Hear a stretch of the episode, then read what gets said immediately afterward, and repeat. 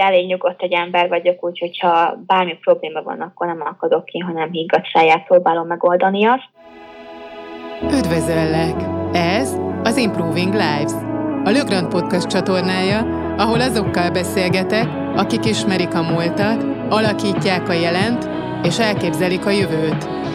Kárpáti Judit vagyok.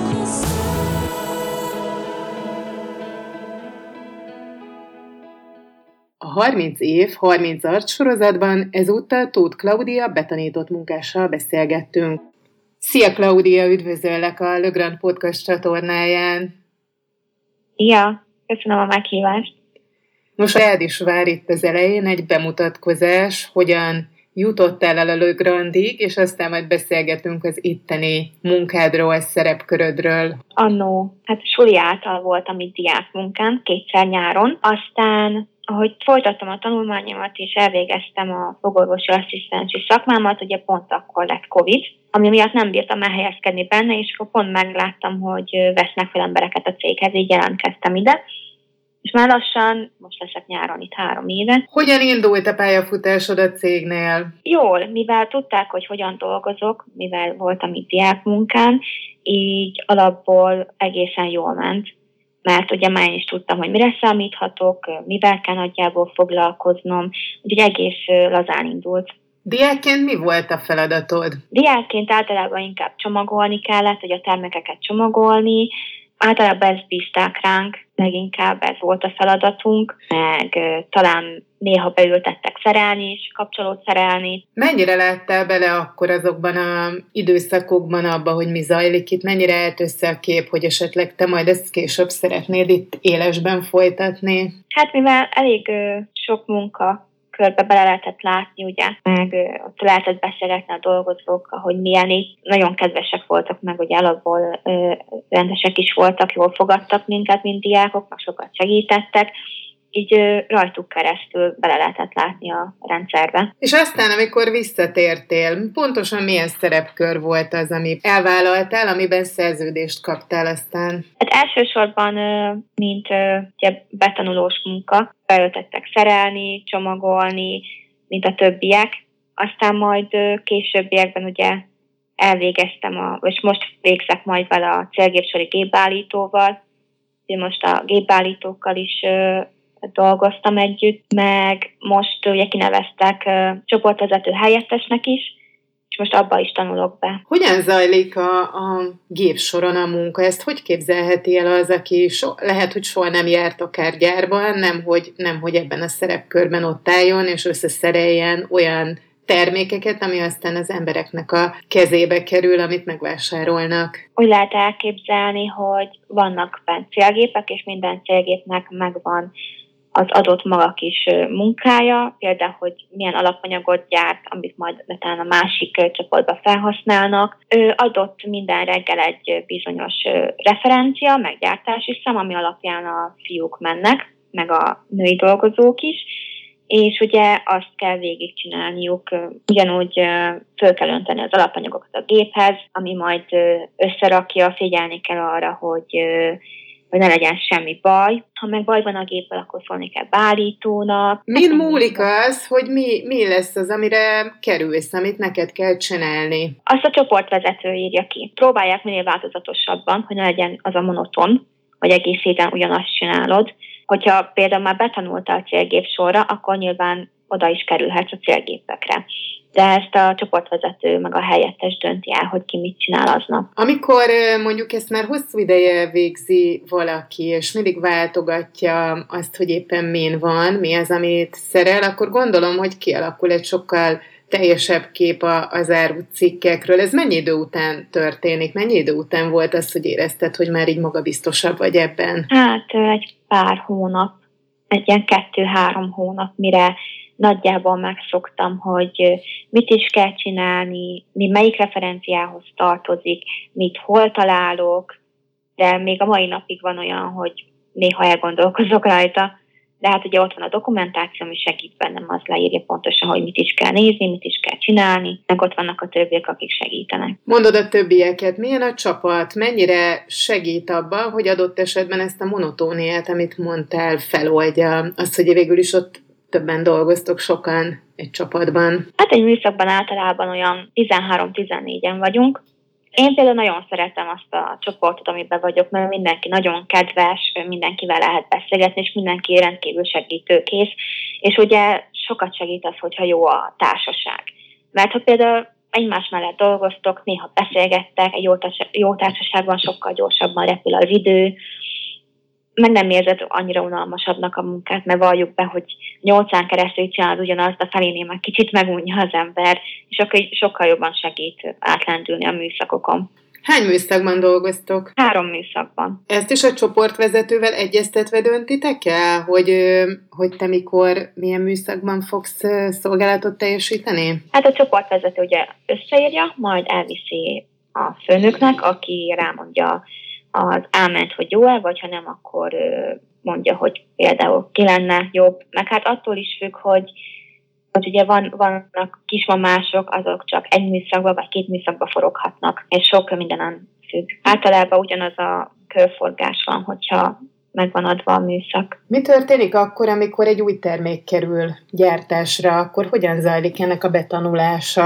Hát ugye elsősorban, ha új termék jön, akkor azt a csoportvezető, illetve a helyettesek próbálják ki, ők tanulják be először, majd azt továbbadják a többieknek, és ugyanúgy ott van mellettünk ugye a dokumentáció, ami alapján el, el tudunk menni, ott is kell egy kis idő, mire mindenki betanulja, de így egymástól szoktuk betanulni. Mit gondolsz, hogy mi lehetett az oka annak, hogy neked bizalmat szavaztak, és, és további képzéseket végezhet, végezhettél el? Hát ugye elsősorban a, a célgépsori gépbeállítót az alapból én szerettem volna, mert hogy én célgépeken dolgoztam, és engem érdekel is, meg szerettem is ott lenni, Úgyhogy ezt ugye, amikor erre sor került, akkor én szívesen jelentkeztem. Viszont akkor, amikor kineveztek csoportvezető helyettesnek, akkor meglepődtem, mert sose gondoltam, hogy majd pont engem fognak, pont engem találnak majd alkalmasabbnak erre, de viszont örültem is neki. Egy kicsit félek még az új dolgoktól, meg, meg rengeteg mindent kell még tanulnom, tehát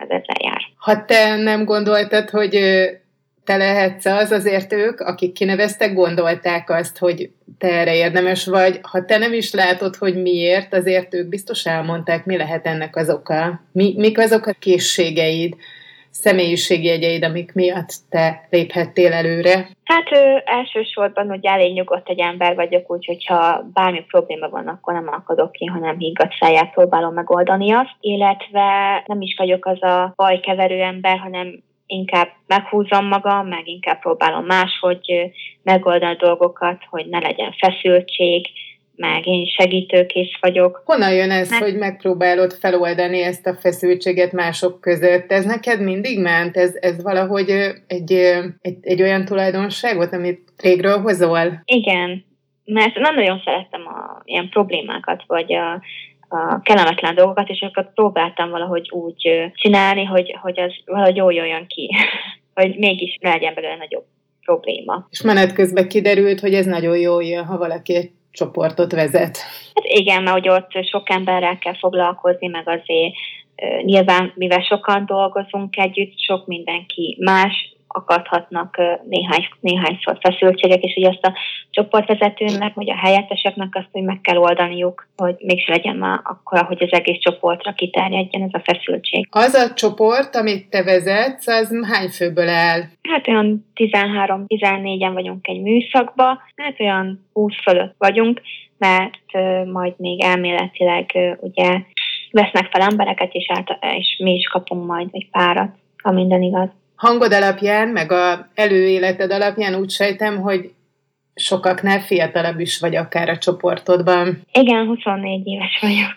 Ezt hogy kezeled, hogy, hogy olyan emberekkel dolgozol, és vagy esetleg felettük, a vezetőjük, akik nálad akár jóval idősebbek is, hogy kezelik ők ezt a helyzetet? Hát igazából egész jól, mert ugye én alapból megadom mindenkinek a tiszteletet, és nyilván ö, ezt is kapom vissza, ö, de nem problémáznak ezen. Egyáltalán mindenki kedvesen fogadott meg, örültek nekem. Hogy jut időd a napi munka mellett arra, hogy tanulj is? Tehát gondolom, hogy amikor képzésen veszel részt, azt a napi feladataid mellett kell megtenned? Hát ez úgy van, hogy minden hétfőnként vagyunk iskolába, akkor elméleti óra van délután, műszak után, Itt viszont úgy osztják be a beosztásodat, hogy mikor gyakorlaton vagy, akkor ugye nem tudsz dolgozni, akkor viszont órabérbe vagyunk, meg megvan adva, hogy egy hónapban hány gyakorlati napunk van. És akkor ez ki van úgy matekolva, hogy jó legyen mindenkinek. Mikor végzel ezzel a mostani jelenlegi képzéseddel? Májusban vizsgázunk, májusban lesz végem, ez egy két éves oktatás volt. Akkor biztos van benned már vizsgadruk? Van, igen, igen, már kezdek félni egy kicsikét a vizsgától. Úgy sejtem, hogy nem okkal, de hát nyilván mindenki amikor ő van ebben a helyzetben, akkor, akkor izgul. Hogyan küzdöd le ezt? Mi az, ami az eszközöd az ellen, hogy ennyire vizsgadrukkos legyél, vagy hogy sikerüljön aztán? Hát általában nekem ez mindig úgy szokott működni, hogy előtte izgulok nagyon, már mikor egyre jobban közeledek a vizsgához, de viszont mikor már ott vagyok is csinálnunk kell, akkor annyira belemerülök abban, mit csinálnom kell, hogy teljesen elmúlik magától a izgulás, és utána már csak arra koncentrálok, ami előttem van. Tegyünk úgy, mintha már májusban lennénk, és a sikeres vizsga után beszélgetnénk. Mi vár rád utána? Hát utána ugyebár ö, nyilván emelkedik a fizetésem valamennyivel, amiért elvégeztem ezt. Ugye az lett volna alapból, hogyha közben nem neveztek volna ki helyettesnek, hogy ugye én beállok a célgépekhez, mint célgépsori gépbeállító, hogy közben meg gyártok is. De ha valami probléma van, akkor ugye ezt nekem meg kell oldanom. Ez lett volna alapból, csak most így változtak a dolgok ezzel kapcsolatban. Mindig annak a híve voltam, hogy jobb, ha ez ember több lábon áll, mert több lehetőségei vannak, úgyhogy még bármikor jól jöhet ez a szakma is. Ez a sorozat, ez egy 30 éves jubileumra készül, és nagyon sok mindenkivel beszélgettem, köztük olyannal is, aki ezt szereldében a soron kezdett. Te hogy látod annak, aki úgy, mint te szereldében elkezd dolgozni, milyen lehetőségei vannak? Te fiatal vagy, és ezen az úton jársz, mit mondanál annak, aki elkezd, mint te ott dolgozni, milyen karrierút várhat rá, ha hasonlóan ambiciózus és akar tanulni, mint te? Hát, hogyha ide kerül elsősorban, ugye sok türelem kell hozzá, meg energia, mert rengeteg mindent meg kell tanulni, és nem egyről a kettőre fog menni, hanem időt kell neki szánni. A másik viszont, hogy, hogy a cég az alapból képzéseket indít, mint például a cegérsori képbeállító, vagy ott van a targoncás, amit le tudsz rakni. Én mindig szerettem új dolgokba belefogni, jobban átlátni a dolgokat. Tehát azt tanácsolnám, hogy ne ijedjenek meg egyből, hanem próbálják megfogni a lehetőségeket, amiket nyújt a cég, vagy az élet, vagy bármi. Ha tetszett a beszélgetés, hallgass meg a sorozat többi részét a csatornán.